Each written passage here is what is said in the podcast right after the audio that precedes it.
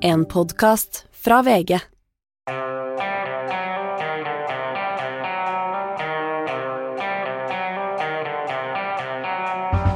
Ikke visste jeg at alle disse dagene som kom og gikk i denne mørke desemberuka, det var selve uke 49. Det er fredag igjen. Vi skal eh, oppsummere litt i denne åpne podkasten. Vi skal ha mediebobler med Gard Steiro, hvor vi skal være alltid litt sånn selvkritiske mediebobler, men eh, denne uka skal være litt ekstra selvkritiske. eh, Medieselvkritiske, så, så følg med. Men eh, aller først, Hanne, velkommen. Tusen takk. Eh, Ja, det er, en, det er en mørk desemberuke, det er en mørk verdenssituasjon, men denne helgen så skal, vi, skal det i hvert fall deles ut Nobels fredspris, og en bitte lite adventslys i, i en mørk verdenssituasjon. Ja, det er det virkelig. Eh, Det er Narjis Muhammadi som er, eh, sitter fengslet i Evin-fengselet, som har fått eh, Nobels fredspris. Og dermed ikke kommer selvfølgelig og representeres av en tom stol, det er ikke så ofte det skjer. Ja, og hennes to barn, tvillinger på 17 år, som da ikke har sett moren sin på all den tid, de skal holde hennes tale Ja. på søndag. Det blir sterkt. Det blir veldig sterkt. Jeg merker jeg blir helt rørt når jeg snakker ja, ja, ja, Anders. ja, jeg kjente det også, det er uh... Og det er altså på vegne av alle iranske kvinner og menneskerettighetsaktivister, og hvor hun veit hvordan Jeg har vært i Iran sjøl, Anders. Mm. Kvinner er annenrangs borgere. Det er et kjønnsapartheidstat. Og kampen har i utgangspunktet stått om om de må ha på seg, de må ha på seg dette sjalet, hijaben, veil, og, og de har demonstrert med en sånn verdighet, en sånn dignity, altså sittet godt i gatene uten sjalet og blitt jurt opp, og noen har blitt drept i politiets varetekt. Og det sitter altså politiske fanger i dette Evin-fengselet, som er et helt forferdelig fengsel rett eh, i Teheran. Ligger på en høyde så alle kan se det til sånn skrekk og advarsel. Der sitter altså Mohammadi mens hun blir tildelt fredsprisen på søndag. Og så er Iran samtidig litt det landet hvor håpet ligger, fordi der har kvinnene aldri helt godtatt den rollen de ble tildelt eh, etter eh, revolusjonen i 79. Nei, virkelig ikke. Jeg var der som sagt, det er snart 20 år siden, men altså, iranske kvinner de er veldig høyt utdannet. Det er en høyt utdannet befolkning i Iran, og de har en sånn kraft. Og noen av de jeg møtte, jeg møtte både sekulære kvinner og strengt religiøse, og alle de jeg møtte var feminister, og de religiøse brukte på en måte lette i islam i religionen etter måter å frigjøre kvinner på, brukte på en måte det redskapet som regimet sjøl forvalter eh, mot dem. Det er jo et helt forferdelig regime, også når du ser hvordan de opererer i andre deler i Midtøsten. De har utført terror i Europa, eh, de står bak eh, Hizbollah i, Libanon, i Jemen. De har liksom sine militser mange steder i Midtøsten og lager drama og havoc mange steder. Ja. Og så var det altså regimet som var eh, før eh, dette presteskapet, det var ikke noe liberalt demokrati eh, det heller, med, med sjahen av Persia, som vi sa den gangen. Men jeg, vi vokste jo opp med bilder derfra, med moderne kvinner i, gatene som gikk i, i moteklær, og, og det, var, det var et enormt sånn tilbakeslag som kom, ikke minst for kvinnene da, da Ayatollah, Ayatollah Khomeini kom til makten. Ja, helt fullstendig. Og litt interessante, litt sånn morsom detalj, i den grad man kan kalle det i den sammenheng, er jo det, Kvinner demonstrerte jo mot dette påbudet om å måtte dekke til håret, både det sekulære, men også det religiøse, for de følte at, at det å bære et, et et sjal over håret, det beviste at de var ærbare kvinner, og skulle plutselig disse sekulære som ikke var ærbare, også måtte gå med det. Hvordan skulle de da skilles ut, de som var skikkelige og ikke skikkelige? Så det var ganske samstemt hos en del iranske kvinner den gangen. Men det er jo forferdelig at myndighetene skal bestemme hvordan kvinner skal kle seg, hva de skal ha på seg, hvordan de skal oppføre seg. Og det er, da jeg var der, det er jo egne innganger for kvinner, egne bussetter. Er rett og slett kjønnsapartheid. Hva eh, er det konkret Narges Nargis eh, Mohammadi eh, har gjort som har eh, fått henne i fengsel? Hun er jo forfatterinne, hun har ledet flere demonstrasjoner, hun har vært en menneskerettighetsaktivist, hun er dømt flere ganger, er vel idømt langt over 30 års fengsel totalt. Eh, arrestert første gang i 2011. Eh, så det er rett og slett aktivisme, politisk aktivisme, uttalelser, ytringer, eh, handlinger, fredelig hele veien. Og ø, denne fredsprisen, den har lokket deg ut av din podkastdvale, holdt jeg på å si. Du har ikke hatt selv podkastdvale, for du er her nesten daglig. Men, men du har jo din egen podkast, som har ligget brakk siden i hvert fall siden ø, høsten starta. Ja. Ja, Men nå, i morgen, så kommer en ny episode. Ja, og jeg har altså møtt Nazanin Sagari Ratcliffe, som har en helt utrolig historie. Hun har sittet fengslet i seks år i dette Wien-fengselet, fire år av dem sammen med Narges, nobelprisvinner. Og hun har sittet i fengsel fordi den britiske staten skyldte Iran 400 millioner pund for et gammelt våpenhandel i shahens tid. Hun ble arrestert på flyplassen på vei hjem til familien sin med sin to år gamle datter. Hun bor egentlig i London, dobbelt statsborgerskap.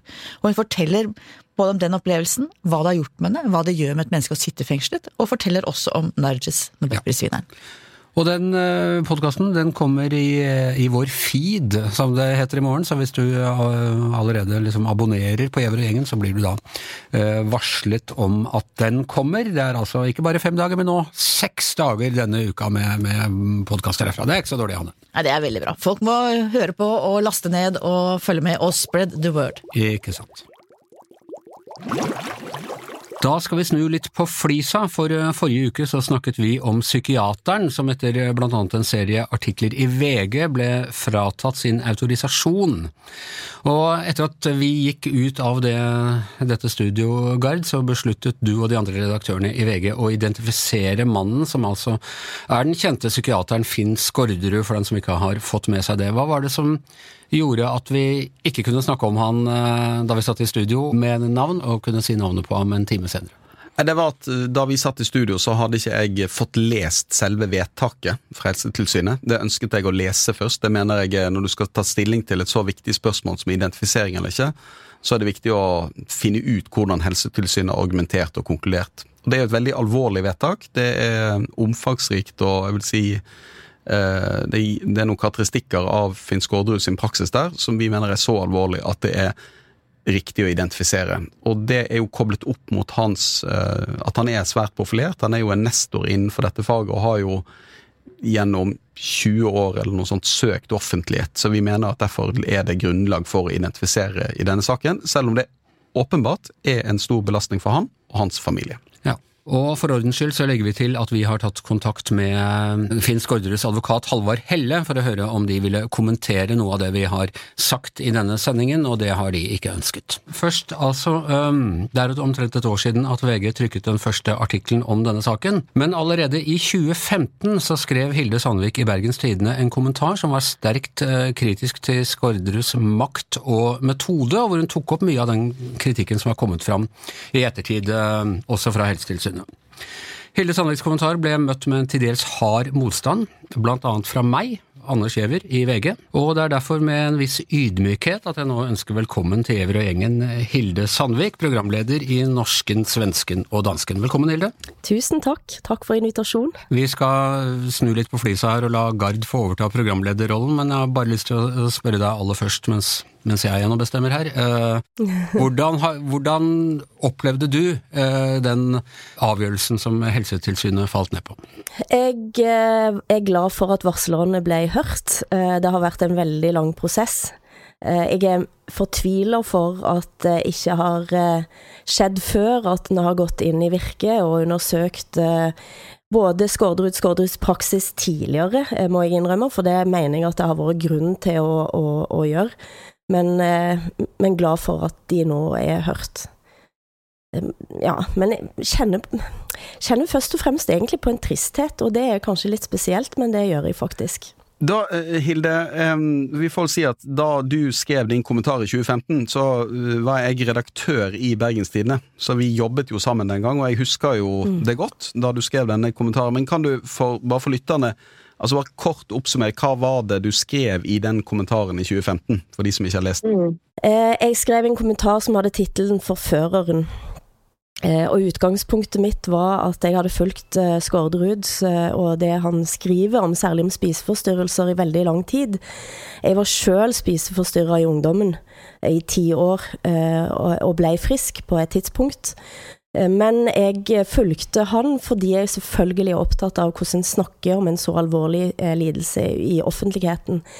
Og jeg syns det ble mer og mer problematisk at den som hadde hegemoniet og autoriteten på området, i mitt perspektiv gjorde det om til en estetikk.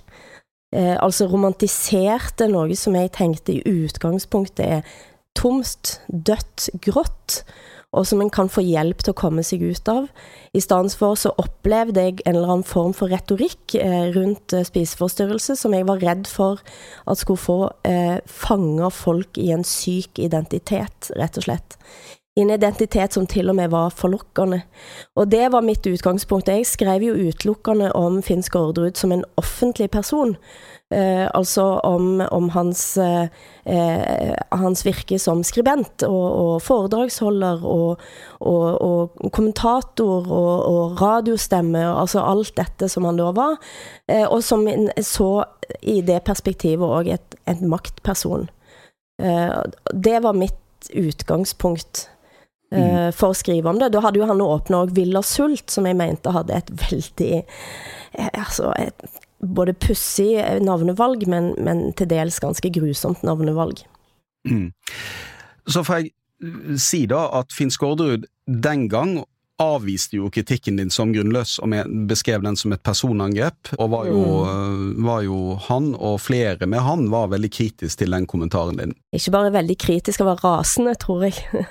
ja, eh, men det er viktig å si at de har avvist kritikken. Eh, mm. Og, eh, og så gjorde du jo et grep i den kommentaren der mm. du også brukte en episode en sjølopplevd episode med Skårderud, der du hadde vært på et bokbad som ung den gang du var Eh, syk.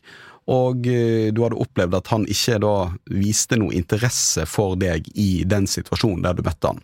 Og det, Anders Giæver, bringer meg over til det grep jo du fatt i. Eh, og du var jo blant en av de som var veldig kritisk til Hilde sin kommentar. Og jeg tenkte jeg bare skulle lese ingressen din og tittelen din i den kommentaren du skrev i den 7. juli 2015.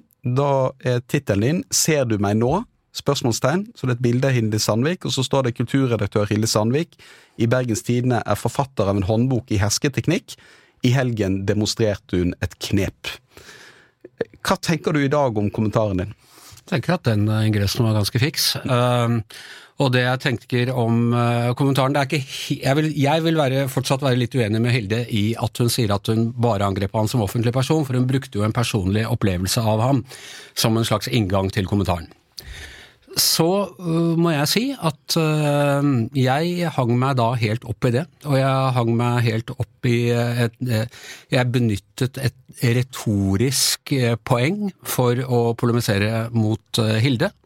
Og det brukte jeg fullt ut, og så tok jeg overhodet ikke inn i meg innholdet i den kritikken hun kom med. Og når jeg leser den kommentaren nå, så ser jeg jo at innholdet i den kritikken var veldig relevant. Mm.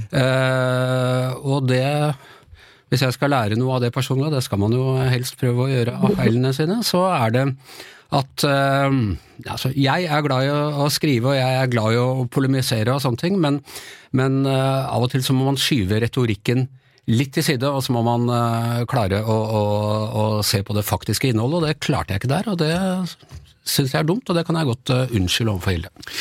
Hvordan, eh, hva gjorde den eh, motstanden du fikk, eh, Hilde? Det var jo ikke bare Anders. det var jo, Jeg vil si, jeg husker det som massivt, altså kritikk av den, av den kommentaren.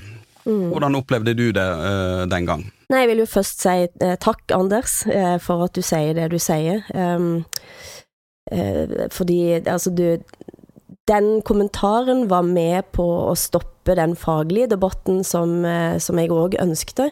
Og så forstår jeg at han griper fatt i min lille inngang, som for meg ikke var Altså for meg var det på en måte retorikk. Eh, fordi det var ikke min følsomhet som 21-åring. Det er en episode som har betydd veldig lite i mitt liv. Da jeg eh, sto i kø til opp til Skårderud og, og, og, og, sa litt sånn stotrende at jeg var syk og ikke møtte noe interesse. Altså, det har ikke betydd noe for meg. For meg så var det bare en slags form for inngang. Eh, men jeg er glad for du sier det du sier. Skal, Men da, ja. må jeg spørre deg, eh, sto den òg i veien for egentlig budskapet ditt? Nei, for jeg tror Altså, det var noen som skrev seinere, fant jeg ut. Eh, noen som skrev at jeg kunne like så godt ha sagt Eh, sist gang jeg så Skårderud på, på trygdekontoret, eller når jeg hørte Skårderud på radio Jeg kunne brukt hva som helst, egentlig, som en inngang. Men selvfølgelig så sa jeg jo òg noe der, og det, hadde, det er første gang jeg òg skrev at jeg faktisk har vært syk. Eh, så, så det, selvfølgelig så visste jeg jo at det, at det det ga jo en annen inngang til det enn hvis jeg hadde latt være å si at jeg noen gang hadde vært spiseforstyrra sjøl. Men den, den, kritikken som kom, inkludert Anders sin kommentar, og Anders sin din var jo den som gikk lengst. Jeg opplevde at teksten din sa at jeg var oppmerksomhetssjuk, og at det var derfor jeg skrev teksten.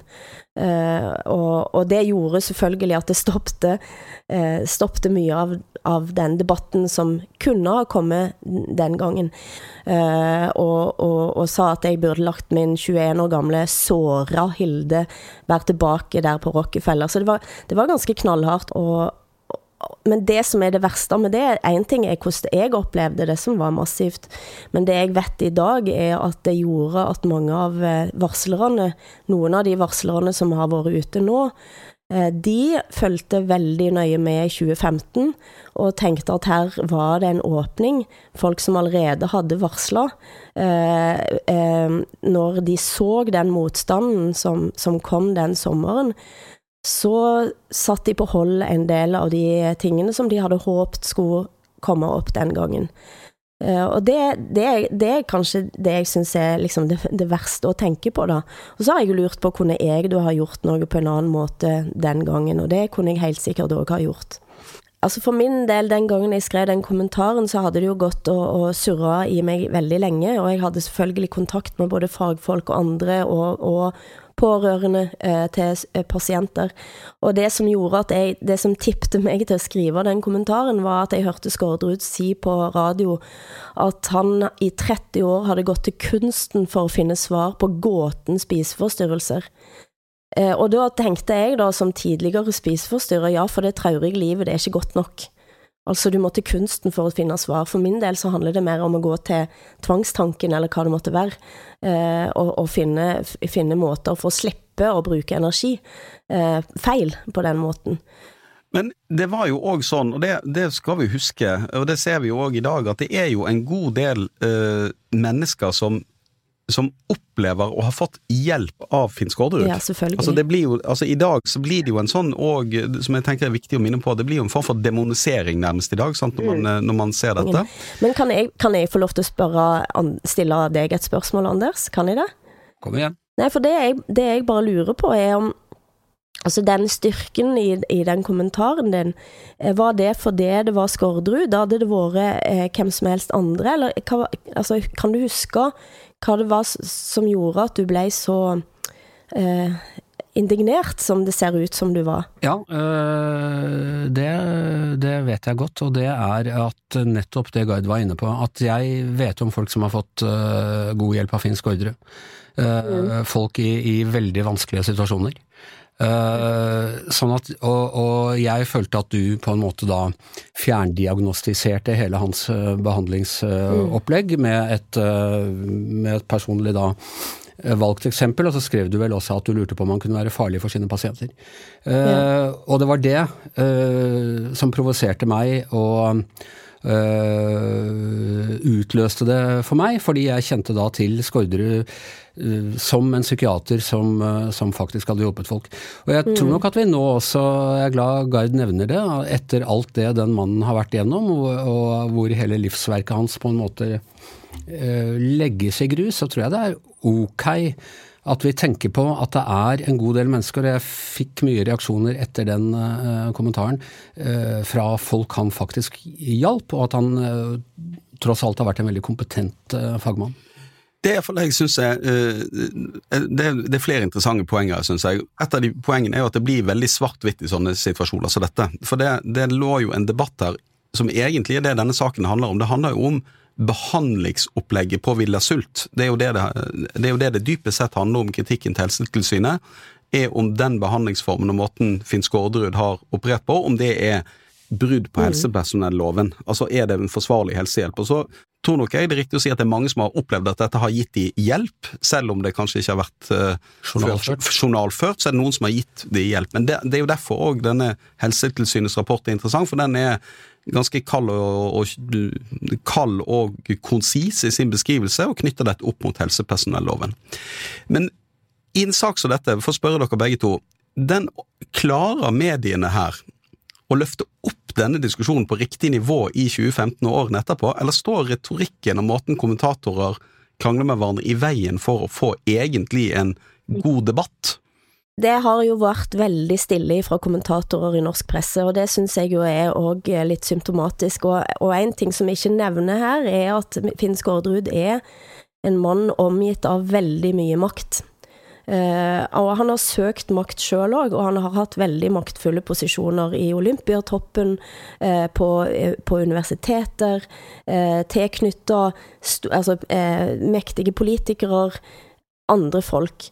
Og jeg, jeg, må jo innrømme fra mitt ståsted eh, i Bergen utenfor Oslo-gryta Nå skal jeg ikke komme med en sånn vestlandsgreie igjen, men jeg opplever at det er fremdeles en stor eh, berøringsangst for å gå inn i en del av disse spørsmålene, og et ønske om å bagatellisere eh, Helsetilsynets eh, vedtak nå. Eh, det er flere som, som, skriver, særlig i sosiale medier, men òg andre plasser, kaller det syltynt, sier at det er, det er, det er diffust. Men det er egentlig ganske klokkeklart. Og selvfølgelig så har en mann altså Han har hjulpet mange, det, det sier seg sjøl i 40 års virke. Selvfølgelig har han det. Men, men, den, men men jeg tror at det er Altså, det er ikke sånn nå at mediene står i veien for For mediene tar jo nesten knapt tak i det. I dag så er det en kjempestor artikkel i Danske Informasjon, uh, som er en profil av Skårderud, som jeg ikke har sett i noen norsk avis. Mm. Uh, og jeg lurer jo på om det er den berøringsangsten gjør at vi får litt sånn litt drypp her og der. Uh, men, men det er noe grunnleggende i den maktstrukturen rundt. Det er det jeg er fortvila på at en ikke får opp nå. Eh, for de som, det kringvernet som kom opp i 2015, som, som ja, VG og andre var en del av, det sitter òg veldig tett på makten. Eh, og det skulle jeg gjerne ha liksom òg på en måte sett tematisert, da. Kjenner du deg igjen i det, Anders? Jeg tror vi vanskelig kan si at eh, VG har eh, drevet kringvern rundt uh, Finn Skårderud. Nei, jeg snakket 2015. 2015 gjorde uh, det. Ja, det var jo ikke noe kringvern, det var én kommentar fra meg. Og, og mm. det må være lov for kommentatorer å være uenige og kritisere mm. hverandre. Det tror jeg faktisk, rett og slett er ganske viktig, selv om noen av oss ja. sitter i Oslo. Men jeg tror nok at um, Uh, og, det, og, det, jeg jo da mener var vesentlig i, uh, i din uh, kritikk av Skårderud, og som jeg burde ha vært mer åpen for, er jo nettopp estetiseringen rundt dette her, og at det er Det kan være farlig i medisinen, og da særlig kanskje i psykiatrien, som er de får ha meg unnskyldt, men den minst eksakte grenen innen legevitenskapen. Uh, hvordan noen sånne retninger uh, får dominere, og det var bra og modig av deg å ta opp den gangen. Det er jeg tenker både som er, som er, interessant når du ser debatten, det er at Hilde Sandvik sin kritikk av Finn Skårderud ble opplevd som et personangrep. Og så ble Hilde Sandvik etterpå utsatt for et person, eh, altså en personlig kritikk som gikk på hennes og person. Og det iallfall slo meg, og det tror jeg er eh, viktig for oss å reflektere over, er jo at hele den viktige debatten egentlig som var der, den ble, den ble helt overskygget av eh, mm. personkarakteristikker i alle retninger. Og det tror jeg var synd. Men hvis dere ser tilbake nå det siste året, da. Hva synes du, mm. Hvordan har du opplevd VG sin dekning du, Anders? Mot uh, det siste året? Uh, jeg syns den har vært veldig hard. Ja, hvorfor det? Ja, altså, jeg syns at den har vært uh, Det har vært stort og smått. noen ting som, har, som jeg syns har all mulig grunn til å reagere på. Andre ting som jeg ikke syns har vært like mye grunn til å, å, reagere på. Jeg tenker at den massiviteten har vært kraftig, og at det har vært Eh, kanskje eh, for eksempel det elementet at han faktisk da har hjulpet ganske mange mennesker, har ikke vært til stede eh, nok i den dekningen, syns jeg. Hva syns du, Hilde? Jeg formoder at du, at du er interessert i saken, har lest VGs dekning grundig? Mm. Nei, jeg er glad for at en har brukt tid. Eh, og gjort, gjort det sånn sett utenfra grundig. Eh, at han, har, at han har fulgt opp. Det har jo tatt veldig lang tid, og jeg forstår at for varslerne sin del så har det vært en enorm stor påkjenning. Eh, veldig stor påkjenning. Fordi at de blir òg utsatt for ja, for den type liksom Både kritikk og, og tilbakemelding, eh, og, og hets òg, eh, kan en se. Eh, rundt særlig sosiale medier. Eh, men jeg, men jeg, er glad for at noen tok dette alvorlig. Jeg prøvde jo allerede i 2015, for da i løpet av den sommeren så fikk jeg ganske mye informasjon fra pårørende, fra pasienter sjøl, fra venner av pårørende, av, av venner av pasienter osv som jeg eh, tenkte at her bør noen eh, grave videre. Eh, og jeg snakket jo med deg og Gard om det, og, og med, med, redaktører i BT, eh, som opplevde at det ikke var BT sin rolle. Jeg prøvde å få andre eh, på det, og det var ganske tungt. Og jeg syns det har vært litt sånn rart å se at, at, at det har vært en så stor motstand eh, mot å, å, gå inn i det. Um, og, og jeg forstår godt, Anders, at du sier det at, at, at liksom, det at han har hjulpet mange, det ikke kommer fram nå. Men det gjør jo faktisk det.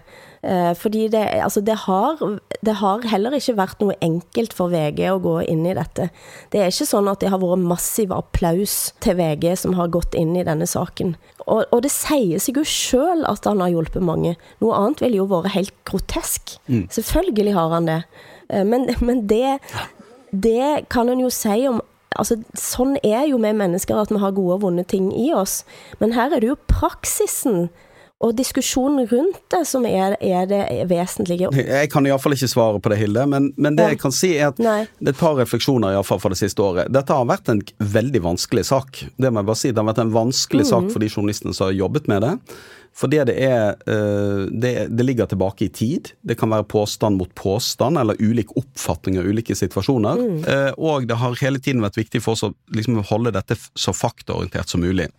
Det jeg tror pressen skal lære i sånne saker som dette, det er at, og der er Anders òg inne på det, at at det blir ofte utrolig hardt, og så begynner man å danne seg et bilde da, på tegningen av et menneske i stedet for handlinger. Mm. Og Det tror jeg er veldig viktig for oss i sånne saker, å, beskrive handlinger og ikke mennesker. Og det er jo som du sier, det er jo ingen av de, selv de som blir utsatt for den mest massive mediedekningen, er jo ikke, de er jo ikke grusomme mennesker. Nei. Men da må man være veldig handlings... Altså, Da må man beskrive faktum og handlinger, og mm prøve å unngå personkarakteristikker. Og Det er noe av det vi kan lære av denne debatten, her, mener jeg. Det at Hvis man klarer å holde det noe mer saklig, så er det et større rom for en interessant debatt. Med en gang det mm. blir på det personlige planet, så mister du det rommet som er der til å diskutere sak. Jeg tror jeg må, skal runde av, Anders, med å si og bare være programleder og si at det er viktig å si at Halvard Helle, som er advokaten til Finn Skårderud, mener jo at Helsetilsynet sin konklusjon er feil, og vil påklage den. Og den kritikken om å blande kunst og medisin har jo Finn Skårderud og Villa Sult avvist bestemt. Sant? Altså De mener jo at dette ikke er grunnlag for den kritikken. Eh, så det er bare viktig å få sagt, mener jeg, når vi først har diskutert en person som ikke er til stede. Og dermed er eh, Giæver og gjengen over for eh, denne uka. Eh, før vi slutter vil jeg bare minne om dette. And you yourself, you have the most exceptional story. A story that most Norwegians haven't heard. At the age of 37, you were arrested at the Tehran airport on your way home to London with your daughter, who was barely two years old at the time. Tell me what happened. So I went to see my family. I went to Iran just before Nowruz, and if you're Iranian, you know that during that two weeks of holiday, New Year holiday, there is literally nothing happening in the country. Everywhere is closed. It's basically like Christmas, but a very long version of Christmas. And I took my daughter to show, she was very cute at that age, to show her to my family. And we had a lovely time. On the way back at the airport, they stopped me and they said that we have got some questions. So they gave my child to my mother, who was at the airport helping me sort out my luggage. And they told my mom that she will be home in the morning. And that morning took exactly six years. I morgen altså, i Giæver og gjengen-feeden. Og da er det slutt for i dag. Tusen takk til Hanne Skartveit, Gard Steiro og Hilde Sandvik. Jeg heter Anders Giæver, og vår produsent var Simon Lindhaug.